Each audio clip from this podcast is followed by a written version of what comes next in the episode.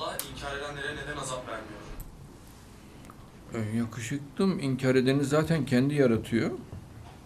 Yani imtihan için zaten gerekiyor onlar.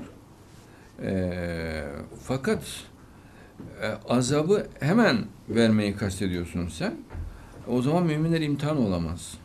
Yani onların varlığıyla mümin kıyaslandığı için onların var olması gerekiyor. Müminin de onları görmesi, hatta onlarla mücadele etmesi, onları iknaya çalışması, konuşması gerekiyor ki sevap alabilsin. Ha, ama en sonunda cezalanırlar tabi. Fakat e, şuuru kapalıdır onların, onu da söyleyeyim. Yani Allah onların ölü olduğunu söylüyor. Yani muhkem ayet, şey değil böyle. İma yolu yahut müteşabih falan değil. Onlar ölüdürler. Siz onlar diri zannediyorsunuz diyor Allah. Onlar ölüdürler. Bak gözü vardır görmez diyor. Kulağı vardır işitmez. Siz onları işitir mi zannediyorsunuz? İşitmezler diyor.